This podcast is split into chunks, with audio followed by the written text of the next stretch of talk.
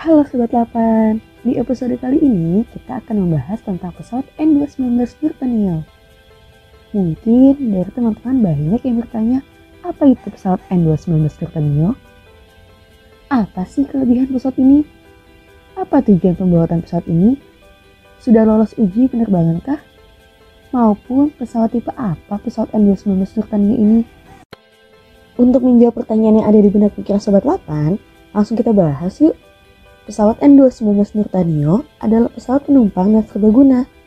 Pesawat ini merupakan hasil kolaborasi Lembaga Penerbangan dan Antariksa Nasional atau LAPAN dengan PT Dirgantara Indonesia atau PTDI.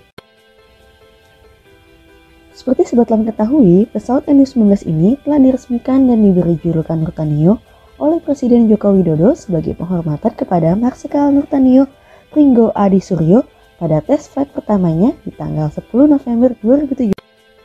Pesawat N219 Nurtanio memiliki cakupan kapasitas 19 penumpang dengan dua mesin turboprop produksi yang mampu terbang dan mendarat di landasan pacu pendek.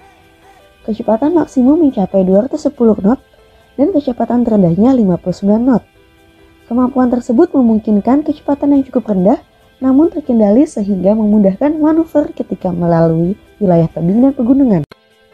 Konfigurasi bentuk pesawat ini ditunjukkan agar dapat membantu konektivitas antar wilayah Indonesia, khususnya mencakup wilayah pedalaman, disesuaikan dengan keadaan wilayah Indonesia yang didominasi oleh kepulauan dan pegunungan.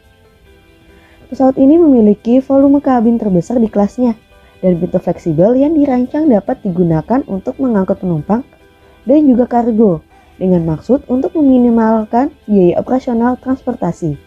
Pesawat ini juga dapat digunakan sebagai transportasi evakuasi korban bencana.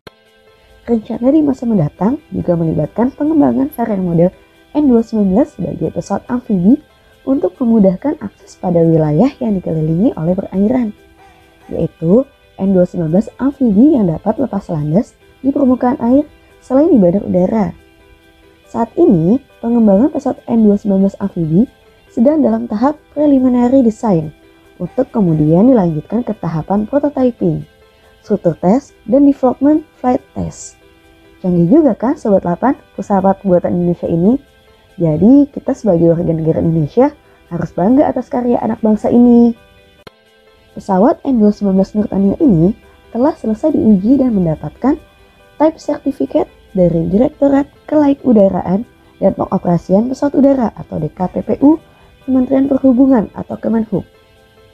Penyerahan sertifikat diberikan oleh Sekretaris Direktorat Jenderal Perhubungan Udara Nur Isnin Istiartono di ruang Mataram kantor Kemenhub pada 28 Desember 2020. Penyerahan tersebut disaksikan oleh Menteri Perhubungan Budi Karya Sumadi. Acara ini sekaligus menjadi acara inti pada Aero Summit 2020 yang diinisiasi oleh Pusat Teknologi Penerbangan atau Pustekbang 8